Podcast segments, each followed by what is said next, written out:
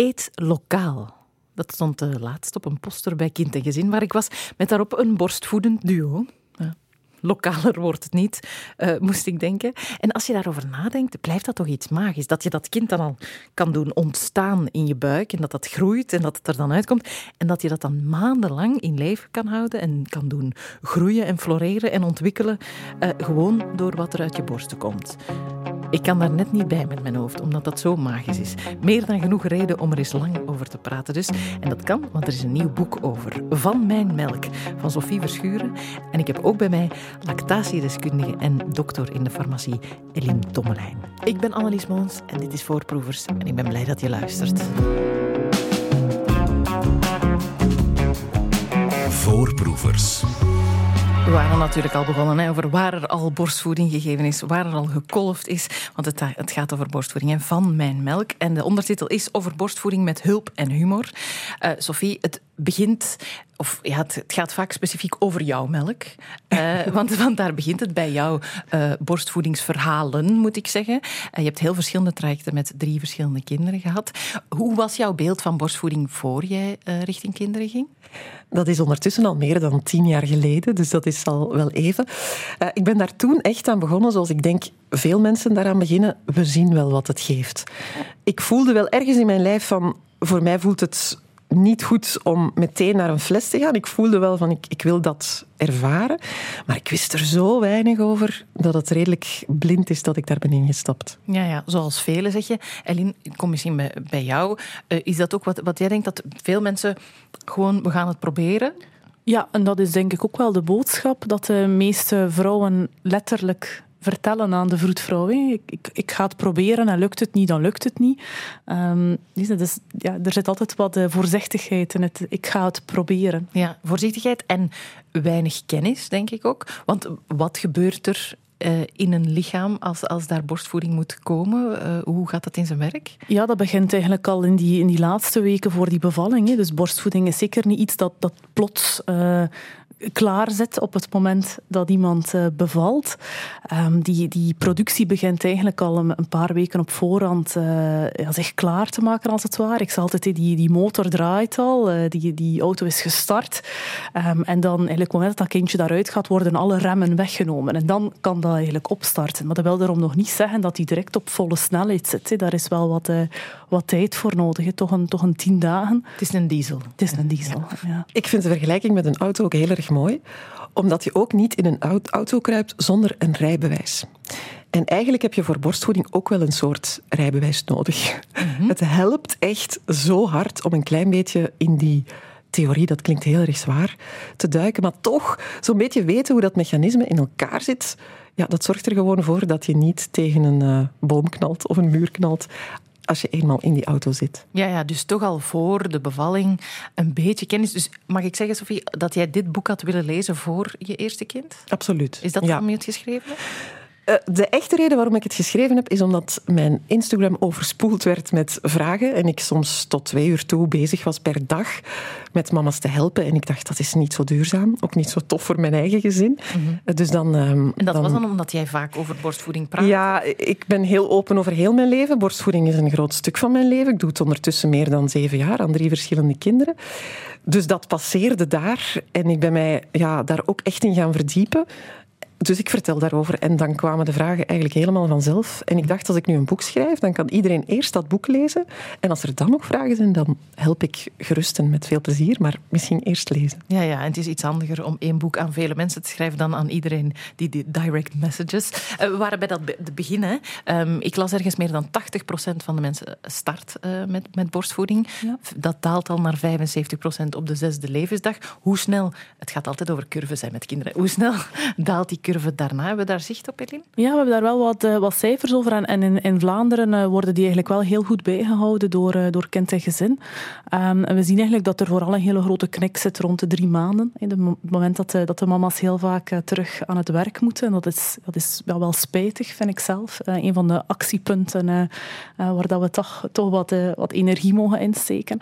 Um, en eigenlijk ja, op zes maanden zitten we nog rond de 11 à 20 procent. Mm -hmm, ja. Ik las dan ook ergens in de krant dat dat wel aan het stijgen is, dat corona daar misschien ook wel wat effect heeft op gehad, dat mensen wat langer blijven. Ja, dus inderdaad, tijdens corona hebben we gezien dat de mensen wat langer uh, borstvoeding gaven. Uh, maar dat is ondertussen terug uitgemiddeld. Mm, we, ja. Ja, ja, zoals met andere dingen ja. dat met corona te maken hebben, dat gebeurt dat ook wel. Uh, Sophie, ik las in jouw boek, eigenlijk worden mensen ongelooflijk aangemoedigd om te starten. Want in alle infobrochures wordt er heel vaak gezegd, begin er maar, probeer het maar.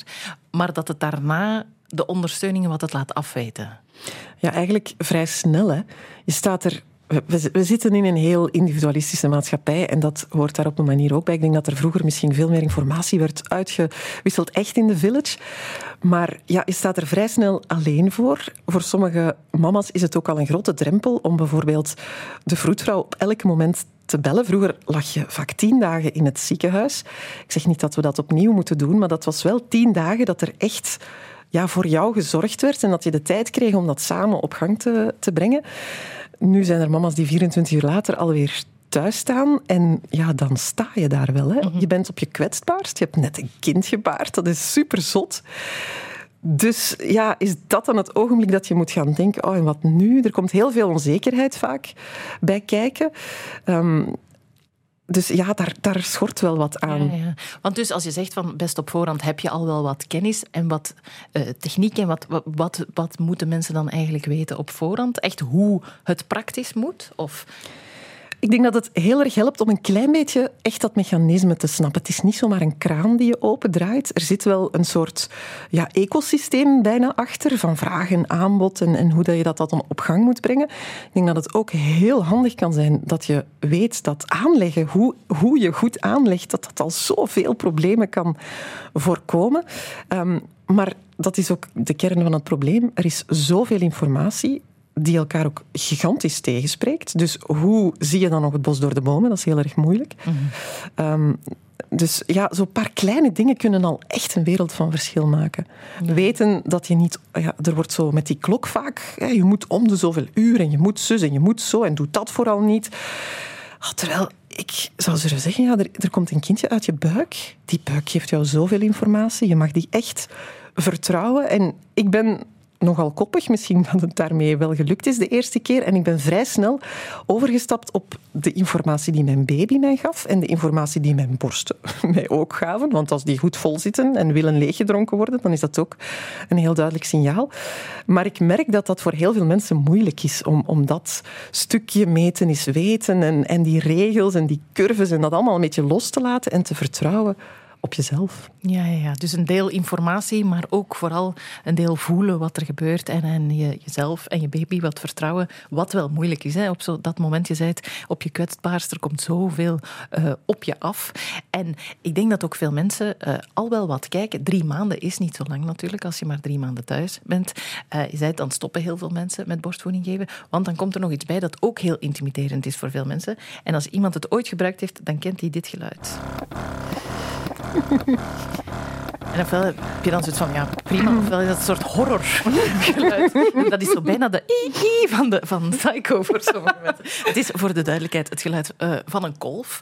Want dat is iets waar ik dan persoonlijk, pre-borstvoeding, dacht ik... Huh. ik, dat was zo, ik vond dat, dat was heel ver. En ik, ik, ik, zag het mezelf niet doen. Begrijp ik. Ja, en ik denk dat dat, ook. Dat is ook zoiets waar, waar heel weinig mensen misschien al mee in aanraking zijn geweest op voorhand. Um, maar de kolfie kan daarbij helpen. Uh, Sophie, want die heb jij gelanceerd. Dat is een van de dingen op jouw Instagram. Dat is een selfie dat je aan het kolven bent. Ja, omdat je dat, heb ik het gevoel, nog minder ziet. We zijn zo wel aan het evolueren. Ik ben daar heel erg blij om. We zien wel wat vaker in het openbaar, nog lang niet genoeg. Maar toch zien we wel voedende mama's. Wat goed is, want net zoals er mama's zijn die flesjes geven in het openbaar. Dat hoort gewoon bij onze, onze wereld. Maar kolven zien we echt nog wel veel minder. Dus ik dacht, want ik vond kolven voor alle duidelijkheid ook helemaal niet leuk. Als we daar nu wat, uh, wat fun in steken, bijvoorbeeld door de kolfie. Dus ik ben wel echt begonnen met um, overal waar ik zat, enfin, overal ja toch vaak, als het op een andere plek was, een, eh, een kolfie te nemen. Dus een, een selfie terwijl je aan het kolven bent. Om dat, ja, dat beeld toch ook wat gewoner te maken. Ja, ja, ja want als, dat is gewoon, als je het vaak ziet, dan uh, wordt het gewoon. En dan is het niet meer gek om het te zien. Um, je bent ook wel echt een expert in het kolven, want zeker ook bij je, bij je derde kind, uh, daar moeten we het misschien even over hebben. Rosalie is heel prematuur geboren. En dan start jouw borstvoedingsavontuur aan de kolf. Rosalie is geboren op 26 weken, wat echt de grens is van, uh, van levensvatbaarheid. Um, dus het, het eerste wat ik echt te horen kreeg, zij is geboren, meteen weggenomen. Zelfs voor ik mijn ogen open had na het persen, was zij al weg. Uh, en ik heb haar dan een uur of een uur en een half later gezien toen zij in de couveuse geïnstalleerd was. En in die tijd kreeg ik de boodschap, nu moet je kolven. Dat is het enige wat je voor je kindje kan doen. Mm -hmm. um, en dat was met de hand echt ja, bijna massage met die borsten. Um, en dat komt natuurlijk veel minder makkelijk op gang op die leeftijd. Zoals de natuur is er op dat moment niet klaar voor. Vanaf 32 weken eigenlijk veel meer. En dan is de melk ook aangepast, Eline. Dat klopt, hè? Ja. Um, maar 26 weken nog niet. Nu, gelukkig, ik had al op dat moment twee kinderen, dus mijn borsten hadden al een geheugen. Dus ik weet dat ik toen gekolfd had en ik had een, een spuitje, wat echt heel erg klein was, met een paar milliliter colostrum in. En ik gaf dat aan um, neonatologie en die zeiden, wow, zoveel. En ik dacht, zoveel? Zo weinig. Um, maar ja, zij kon in het begin ook maar 1 milliliter per dag verdragen. Mm. Dus dat is wel een heel moeilijk verhaal geweest. Uh, en dan stap je gradueel over op eigenlijk kolven alsof het voor een ja, voldragen baby is omdat die borsten wel gestimuleerd moeten worden, die prolactinereceptoren moeten geactiveerd worden. De, de boel moet in gang gezet worden om later die productie te kunnen garanderen. Dus ik had ook binnen de kortste keren een diepvries voor de hele straat. Mm -hmm. uh, wij hadden pannenkoeken bak, kunnen bakken met mijn melk, waar echt heel veel mensen hadden van uh, kunnen eten. Uh, ja, omdat zij veel minder dronk dan ik moest produceren voor de productie, niet per se voor haar. Ook mm. voor haar uiteraard. Hè, maar, um, dus ik heb overschot, ja. Ja, heel veel overschot. Want je hebt er geen pannenkoeken mee gebakken. Nee. Je, je, hebt er iets mee gedaan wat nog veel minder bekend is en minder zichtbaar is, want je hebt het gedoneerd. Ja. Uh, dat, daar is geen kader voor in ons land. Jammer genoeg is daar geen kader voor. Want zeker voor prematuren is dat eigenlijk de enige bescherming uh, die er is tegen, uh, ik wil niet te medisch worden, um, een nek wat een soort darminfectie is die heel gevaarlijk is voor kleine kindjes. Dus het is echt wel ja, die antistoffen die ze ook meekrijgen, want ze hebben ook al een zwaar verminderd immuunsysteem. Het is, het is echt het enige wat je op dat moment kan doen. Het voelde voor mij ook wel ja, je bent drie maanden van je zwangerschap kwijt. Er is een navelstreng doorgeknipt die nog een heel seizoen bij elkaar had moeten zijn. Dus dat is sowieso super heftig. Um, het feit dat ik dan melk kon doneren voor andere kindjes en voor mijn eigen kindje heeft wel veel betekend. Er was bijvoorbeeld een kindje, dat vond ik heel erg mooi. Um, en die had het moeilijk met vaste voeding. Dat lukte niet zo goed. En de mama had moeite met het uh, nog, nog bij te houden. Haar borstvoeding liep niet meer zo goed, omdat zij opnieuw zwanger was. En ze zei, ja, zou ik misschien een beetje melk mogen voor mijn, uh, voor mijn zoon? Ah ja, ik had toch genoeg, dus ik heb dat uh, aan hem gegeven. En hij is echt, zijn curve is echt super mooi gestegen. Gewoon ja, door de melk uit mijn diepvries die hij gedronken heeft, want dat wou hij wel heel graag um, drinken. Dus dat is wel heel erg hartverwarmend dat je dan ook voor iemand anders zoiets kan betekenen. Ja, fantastisch. Uh, het is al heel duidelijk dat we nog tot zeven uur uh, kunnen, kunnen verder praten over borstvoeding. Uh, ik ga een plaat draaien. Ze hebben dat onderzocht wat goede muziek is om borstvoeding bij te geven, of ook om bij te kolven. En dat is dan muziek wat je wat rustig van wordt, dus dat, dat zo wat op het ritme van je hart is. En dan is dit een van de beste nummers.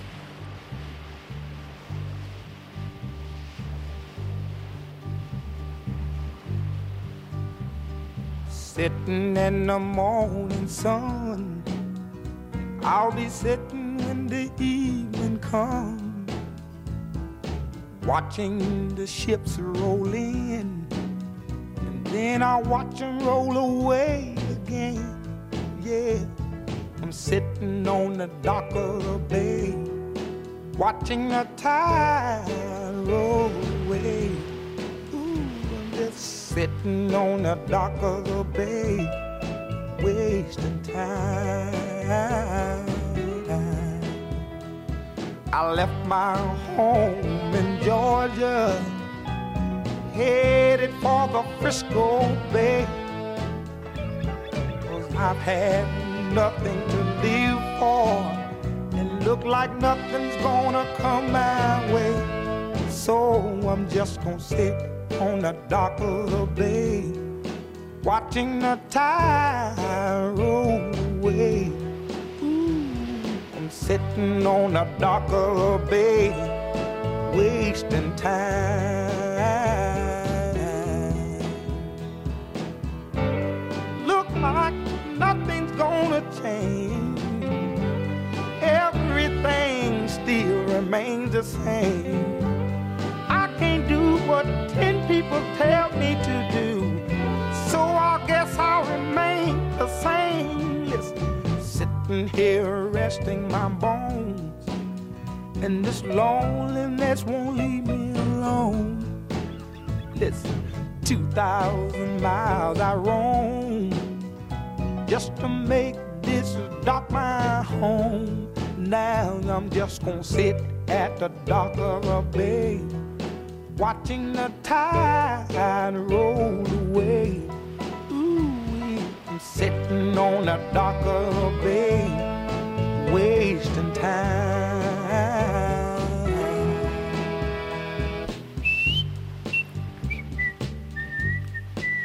Deze strofe was nog niet helemaal af. Dus uh, deed hij maar een fluitende strofe. En het maakt het nummer alleen nog maar beter. Otis Redding en The Dog of the Bay. Dus een van de beste nummers om borstvoeding op te geven. Dat hebben ze, dat hebben ze onderzocht. Uh, we hadden het al heel even over die samenstelling van borstvoeding. Die verandert uh, de hele tijd eigenlijk. Het woord viel daarnet al eens.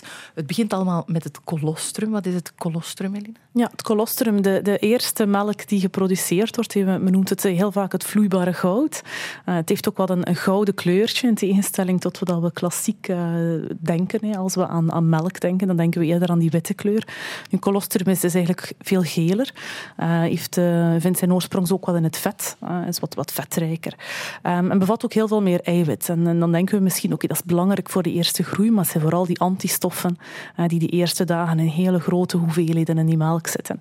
Uh, die, die, die die colostrum toch zo wat bijzonder maken. Hè? Ja, want dat kindje heeft beschermd in een buik gezeten. Nu komt dat in de boze wereld en zijn er allemaal andere dingen die erbij komen. En dus moet dat afweerstoffen krijgen. Ja, ja dus die, die antistoffen, die, ja, dat is eigenlijk een soort van passieve immuniteit, noemen we dat dan. Nee, dat zijn antistoffen die de mama al heeft. Dus zij heeft heel haar leven lang contact gehad met uh, pathogenen, met bacteriën, met virussen enzovoort.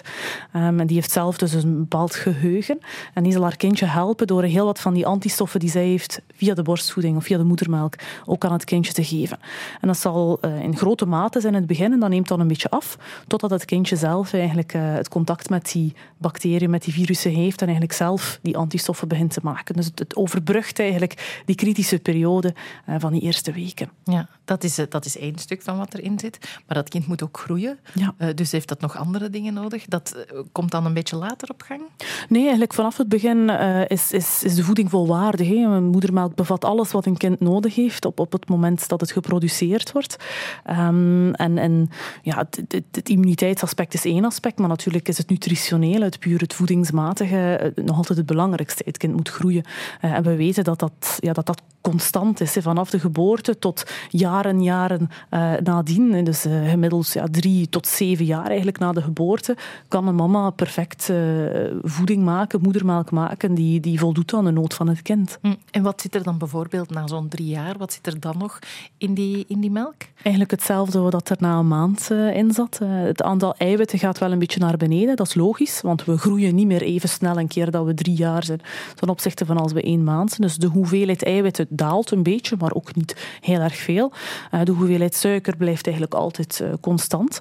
En het vetgehalte stijgt. En dus we zien dat, dat een kind, als het wat ouder is en nog aan de borst drinkt, iets meer vetstoffen binnenkrijgt. Ja, ja, ja. Dus dat, dat lichaam dat, dat past zich de hele tijd aan. Ik las ergens dat dat dan is doordat je zoentjes op het hoofd van je kind geeft, dat, dat je lichaam dan weet wat het moet doen. Klopt dat? Ja, ja dus die, die zoentjes op het hoofd is vooral om, om je hersenen een signaal te geven dat je in de buurt van je kindje bent. En dat zal vooral helpen om die melk eruit te krijgen, door, door een grote oxytocine-boost in de hersenen, gaan we maar zeggen. Dat is ook als je in de supermarkt een ander kind hoort huilen, dat het ook kan starten. Ja, dat, Is, dat is hetzelfde uh, hormoon, dezelfde oxytocine, die die dat in gang zet. Dus dat is, dat is één aspect. En dan natuurlijk, als een kindje aan de borst drinkt, zien we ook dat er wel een uitwisseling is ehm, tussen de, de bacteriën die in de mond van het kind zitten en de borst van de mama, waardoor dat die borst ook goed weet wat het moet doen. Hè. En dan zal het bijvoorbeeld wel extra uh, antistoffen meegeven uh, om het kind extra te gaan beschermen. Hm. Ja, een hele mooie wisselwerking. Ja, ja, ja. Ik las ook ooit over moeder die tandem voedde. Hè. Dat is uh, een ouder kindje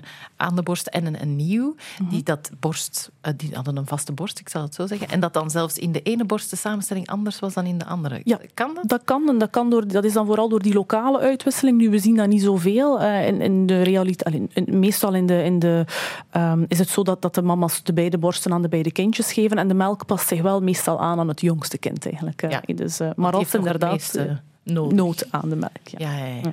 ja we, hebben het nu wat over dat, dat langer voeden dan veel mensen zien. Ik weet al, Eline, dat jij het woord lang voeden niet graag gebruikt. Waarom, waarom gebruik je dat woord niet? Ja, omdat eigenlijk de, de, de norm, het, het biologische normaal, uh, is eigenlijk dat je gewoon voedt uh, tot het moment dat het kind ja, en de mama het niet meer wensen. Um, en dat is biologisch gezien tot drie à zeven jaar. Um, dus eigenlijk, ja, ik vind het altijd zo lang voeden. Ja, wanneer word je dan een, een langvoeder? Wat is, dan geeft dat zo'n beetje het signaal van je bent wat abnormaal, want je voedt langer dan normaal, terwijl dat, dat eigenlijk heel normaal is. Dus ik Ja. gebruik die term eigenlijk nooit. Ik zeg gewoon, we zijn voedsters. We geven gewoon borstvoeding. Ja, en ook de Wereldgezondheidsorganisatie, Sophie, dat staat ook in jouw boek, die raden eigenlijk aan tot twee jaar zeker. Two years and beyond, zeggen zij het. Uh, of noemen zij het, ja. Ja. Hoe komt dat dan toch dat we dat toch een gekker zicht vinden, zo'n peuter aan de borst? Goh, ik denk eigenlijk dat dat voor een stuk te maken heeft met de seksualisering van de borst. Um, er was ooit in Topdokters um, een dokter die zei... Um, de primaire functie van een borst is een kind eten geven. De secundaire functie van een borst is ja, seksualiteit, want we daarmee kunnen. En hij was... ik kan nu op het woord niet komen. Borstdokter, ging ik zeggen. Dat is helemaal geen woord. Ja, ja, gynaecoloog, plastisch chirurg, iets in die zin. Um, en hij zei, mijn job zal pas klaar zijn als ik die primaire functie kan herstellen bij vrouwen die bijvoorbeeld borstkanker uh, hebben gehad. Want dat is echt waarom die borst aan ons lichaam hangt.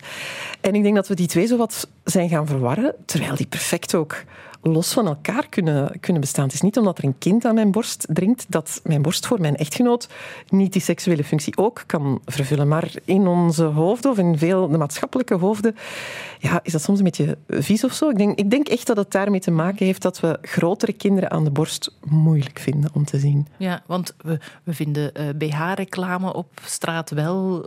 Daar kijken we eigenlijk niet naar om. Maar als er iemand aan het voeden is in het openbaar, wordt er, wordt er nog zoveel als vroeger gefronst, denken jullie? Is dat aan het veranderen? Ik weet dat niet zo goed, want ik let daar zelf niet op. Um, ik denk, er zijn wel nog heel wat mama's die, die dat zeggen tegen mij. Van ja, ik vind het toch... Uh, ik, ik krijg rare blikken of zo. Ik denk ook dat het, dat het te maken heeft met hoe dat je daar zelf ja. uh, in staat. De schroom ja. komt ook ja. vaak van de, van de mama zelf. Mhm. Mm -hmm. um, er zijn zeker nog etablissementen waar uh, foute dingen gebeuren. mensen worden buiten gezet en zo van die dingen. onlangs nog trouwens in het... Um, parlement uh, is dat gebeurd. Ja, bij het protest voor, ja. voor de kinderopvang. Ja, hè? inderdaad. Um, dus ja, we zijn er zeker nog niet. En natuurlijk, oudere kinderen zien we nog veel minder in het, in het openbaar. Ik denk, moest mijn dochter, die nu 3,5 is, uh, ergens op straat aan mijn borst komen hangen, dan, dan zou ik wel echt heel vreemde blikken krijgen. Maar ik heb ook een tijd geleden beslist dat gebeurt ook op dit moment alleen nog maar binnenskamers. Mhm. Mm-hmm. Ik ga dat niet meer doen, omdat die acute nood voor haar niet meer zo groot is. Maar voor een, een kleine baby wel. Heeft die honger, waar ik ook ben, hoepla, borst erin en, en we doen het. Bij grotere kinderen ligt dat wat anders.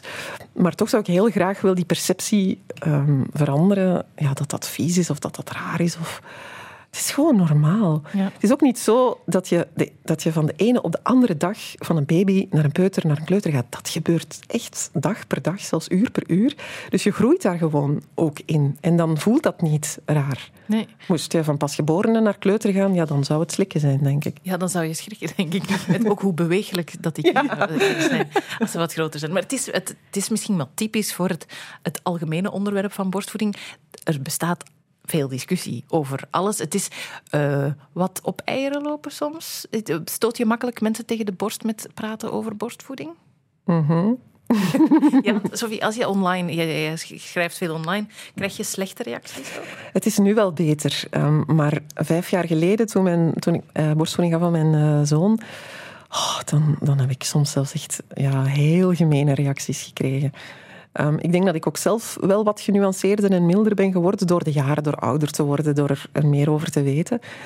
Maar het zou gewoon in de eerste plaats geen discussie moeten zijn. Dat is het helemaal niet. En mijn betrachting met het boek is ook echt om er een bewust proces van te maken. Zowel beginnen als stoppen met borstvoeding moet op elk moment een bewuste keuze zijn. En daar zijn we nu absoluut nog niet. Zowel niet met het beginnen als met het stoppen. Want wat, wat zijn wel de oorzaken dan om te beginnen of te stoppen? Dat stoppen is vaak een gedwongen stop door een omgeving die daarbij uh, wat duwt om dat te doen. Vaak uit bezorgdheid, vaak vanuit een, een, een hele goede intentie. Uh, of omdat er bijvoorbeeld medicatie moet genomen worden die dan volgens dokters die er weinig van af weten niet, niet compatibel is met borstvoeding. Ja, want laat, als je op een doosje kijkt van eender welk medicament, uh, daar staat op dat mag niet. De apotheker ja. zit hier naast voilà, ons. Dus daar gaan we dat aan vragen. Ja. Dat, is, dat is een zeer juridische kwestie eigenlijk. Dus een, een, een farmaceutisch bedrijf zal heel vaak um, op de bijsluiter plaatsen dat iets te weinig onderzocht is en dat ze het daarom afraden om te combineren. En dat betekent als je het toch geeft wanneer je, of toch voorschrijft wanneer je borstvoeding heeft, je eigenlijk buiten de indicatie het, uh, het geneesmiddel voorschrijft of gebruikt. En dan valt alle verantwoordelijkheid van de, voor de firma weg. En dus zij doen dat eigenlijk echt vanuit een volledig juridisch, uh, juridische blik. Ja, zoals van wij zijn niet verantwoordelijk voor ongevallen op deze parking. Voilà. Ja, daar komt het op neer. In de praktijk weten we dat het zeer uitzonderlijk is uh, dat je geneesmiddelen niet met borstvoeding mag combineren. en dat is voor mij ook eigenlijk mijn, mijn belangrijkste functie als lactatiekundige. Ik heb mij daar echt in gespecialiseerd. En dat is ook hetgeen waarvoor mensen bij mij nog komen. Ik ben echt een doorverwijs lactatiekundige, die heel specifiek voor, voor vragen uh, beschikbaar is hieromtrent. Dus ik neem een geneesmiddel, mijn arts zei dat het niet mag. Ik moet nu stoppen, wat moet ik doen? En dan ja, komen we eigenlijk heel vaak tot de vaststelling van ja, dit, dit is echt niet nodig. Ja. Ja, ja, Dus het is dan stoppen door slechte informatie is, is een grote. Stoppen ook omdat het misschien niet lukt. Hè. We begonnen bij, we gaan het proberen. Maar eh, op de materniteit, daar zijn heel veel vroedvrouwen. Uh, vaak vroedvrouwen van verschillende leeftijden ook. Misschien met verschillende kennis uit verschillende opleidingen en tijden van opleiding. Is dat ook een probleem? Ja. Als ik mag dromen, dan, dan hoop ik dat er niemand moet stoppen omdat het mislukt is. En zeker niet omdat hij dan zelf het gevoel heeft dat hij gefaald heeft. Want eigenlijk als je dan teruggaat, vaak het verhaal vertelt en teruggaat naar de beginstapjes, kan je vaak pinpointen waar het verkeerd gegaan is. En heel vaak is dat al op de materniteit. En dat is zo jammer. Um, dus ook daar, informatie kan echt helpen. Maar ja, als er op een dag drie vroedvrouwen aan je bed staan en die geven allemaal een andere uitleg. Ja, of die hebben het superdruk, want er zijn vijftien vrouwen ook bevallen. Dat. En ze komen net wat te laat, uh, want je moet om de zoveel uur. Ik ben ervan overtuigd dat iedereen die daar werkt, dat met een, een hart doet en met de allerbeste bedoelingen. Maar we zijn wel nog niet helemaal um, met, ja, bezig met gestroomlijnde informatie. Um, dat is zo bij eerste lijnszorgers in de kraamzorg, maar dat is ook zo bij artsen. Jammer genoeg. Omdat zij het wel vaak op een manier voorstellen alsof ze wel alle informatie daarover hebben. En omdat wij ook heel terecht heel veel van ons vertrouwen in artsen uh, leggen. Maar ik krijg ja, bijna wekelijks berichten van mensen die door de kinderarts geadviseerd zijn om te stoppen met borstvoeding of om dingen te doen waarvan mijn haren gaan, gaan rechtstaan als je dat mechanisme een beetje kent. En dat vind ik wel heel erg jammer. Ja, ja, ja. Elin, dat is ook een van de dingen waar... Want je hebt de Medicourse. Dat is opleidingen voor iedereen die, die het maar wil. Um, over bijvoorbeeld borstvoeding.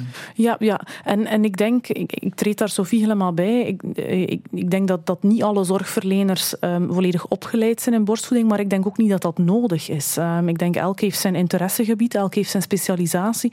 Waar volgens mij het schoentje een beetje knelt, is dat, dat er niet correct doorverwezen wordt. Ik, ik zou zelf liever een zorgverlener hebben die zegt van ja, kijk, dit is niet mijn domein. ik stuur daarvoor door naar mijn collega of, of naar een lactatiekundige als het dan over borstvoeding gaat, dan iemand die uiteindelijk maar iets zegt, uh, omdat hij, hij of zij uh, ja, de zorg wil ja, vervolledigen, terwijl die er misschien niet alles van af weet. Ik denk, en ik denk dat daar nog een hele grote stap uh, te zetten valt. Ja. Misschien een goede les voor alle mensen. Ik weet het niet zeggen is wel oké. Okay. Ja, dat is echt oké. Daar kan je wel informatie vinden. Is dan, want het, op zich, de, de bekendheid van lactatiekundigen is ook wel aan het stijgen. Meer en meer mensen komen ook via internet bij de betere kennis terecht. Of is er te veel en weten we het dan niet meer? Dat kan ook natuurlijk. Het is allemaal gebundeld in één boek. uh, ja, voilà. ja, maar dat heb ik echt wel geprobeerd. Ja, ja. Uh, ik hoop als je dat leest. Ik heb ook in het boek echt wel tools aangereikt om, wat jij zegt, door te verwijzen naar de juiste personen. Dit bevat niet alles. Hè. Als je dit boek gelezen hebt, ga je niet elk probleem dat je tegenkomt kunnen oplossen. Zeker niet. Maar je gaat wel, hoop ik, toch tools hebben om dan naar de juiste personen um, verwezen te worden, om dan wel die problemen aan te pakken. Ja, en er staan ook heel veel verhalen in, waardoor je de kans dat jouw verhaal ergens al halvelings aankomt, of dat je al erkenning. Uh, ik kwam bijvoorbeeld uh, nursing agitation tegen, een term. Wat, wat betekent dat?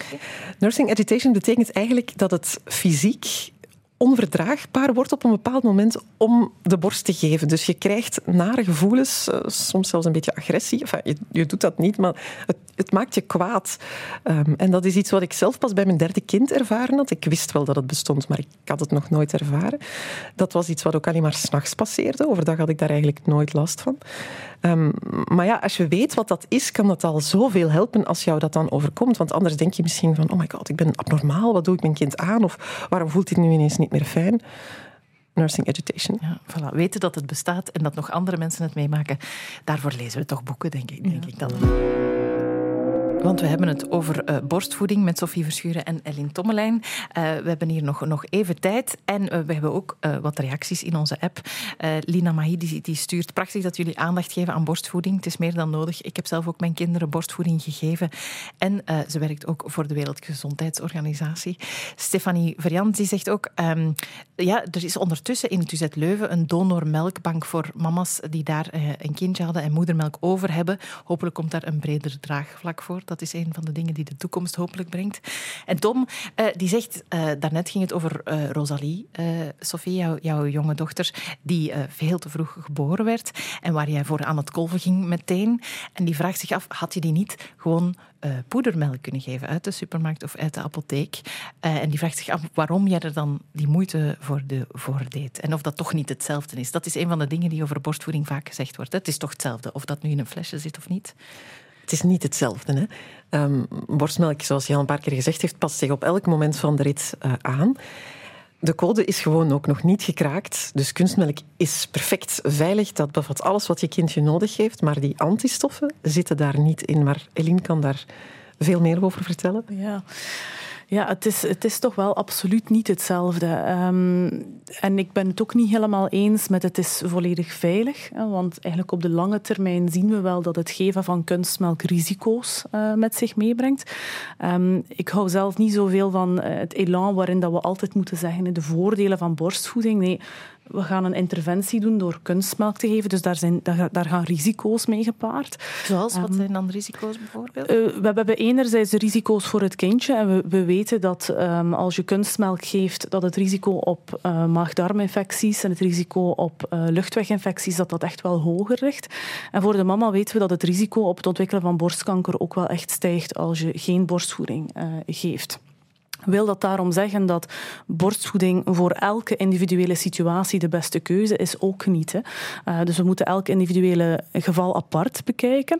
Maar we moeten ook wel echt uh, communiceren wat de risico's zijn. Ik vind het niet correct om uh, daar heel voorzichtig in te zijn, om maar niemand op de tenen te trappen. Nee, de cijfers zijn wat ze zijn. -hmm. Nu we het toch over tenen trappen hebben, is misschien ook goed. Er worden tegen borstvoedende mensen wel eens dingen gezegd die niet zo plezierig zijn. Daar eindig je ook je boek mee, Sophie. Je krijgt wel een hoop clichés op je bord. Wat, vind, wat is het ergste wat iemand ooit tegen jou heeft gezegd terwijl jij voedde? Goh, ik denk dat ik het ergste vond dat mij soms werd gevraagd om ergens anders te gaan zitten. Um, je kan je al heel erg eenzaam voelen als je net bevallen bent en een kind komt je leven overhoop gooien. hormonen in je lijf. Ja.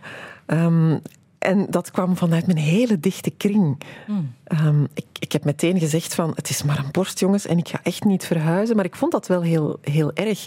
En dat was ook vanuit een soort van ja, ongemakkelijkheid. Hè. Weer dat seksuele, denk ik, dat daar dan... Ja, ehm, niet kijken. Oeh, ja, oep, oeh, oeh.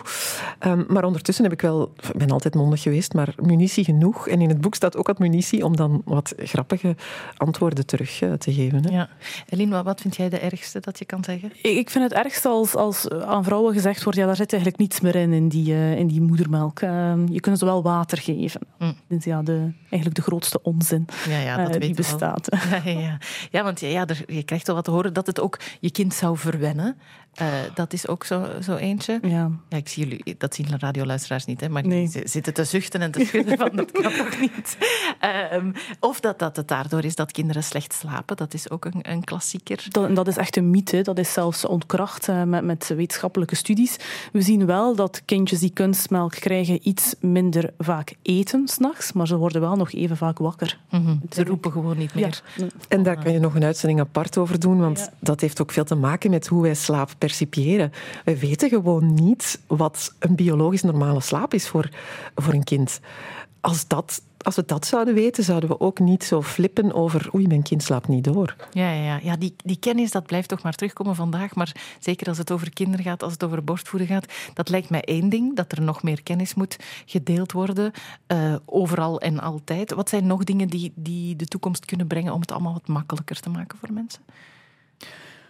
Ja, ik denk dat we maatschappelijk toch wel nog een aantal inspanningen kunnen leveren ehm, naar eh, ja, verlof. Allee, als je dan al verlof kunt noemen. Nee, voor een ik heb het denk ik wel tien keer ook in het boek gezegd. Stop met dat belachelijke woord moederschapsrust, zwangerschapsverlof. Alsjeblieft, zeg. Hoe moeten we dat dan noemen? Ja, ik heb nog niet... We gaan een brainstorm. Groeitijd. groeitijd is ja, groeitijd is een mooie. Eigenlijk, en los van borstvoeding, vind ik dat zouden we toch echt meer mogen investeren in de basis. Ik ben er echt van overtuigd als we moeders, ouders in het algemeen meer tijd geven, als ze dat, als ze dat wensen, met hun kind, zonder de consequenties die daar nu aan vasthangen. Want je hoort dan meteen van, nou, maar zijn toch, eh, je hebt toch ouderschapsverlof en je hebt dit en je hebt dat. Ja, dat is zeker niet voor iedereen een optie. Dat is vrij elitair zelfs, vind ik, om dat te zeggen. Van die systemen zijn er toch? Dat is absoluut niet zo. Ik ben er ook van overtuigd dat als we die investering zouden doen, dat het ons in de long run echt heel veel zou opleveren. Dat het ons, en daar draait het toch altijd om, minder kost dan nu. En iedereen zou gelukkiger zijn. Dus ja, waarom doen we dat eigenlijk niet? Ja, ja, dus die, die eerste periode van ouder en kind bij elkaar, van die langer te kunnen maken als dat... Je Ja, moet en niet alleen de mama's, hè, maar ook echt Ja, ja, de papa's, ouders. Ik- ja. allee, dat, dat kerngezin, dat verdient wel wat meer eh, aandacht en tijd, vind ik. We moeten allemaal 40 jaar werken. Waarom is dat zo erg als daar eens een jaar zou worden uitgenomen? Als je dat bekijkt op een hele loopbaan, is dat toch eigenlijk niks. Maar wij zitten zo wel in een systeem. Het moet allemaal gebeuren tussen die 30 en die 40. Dan krijg je je kinderen, dan verbouw je je huis.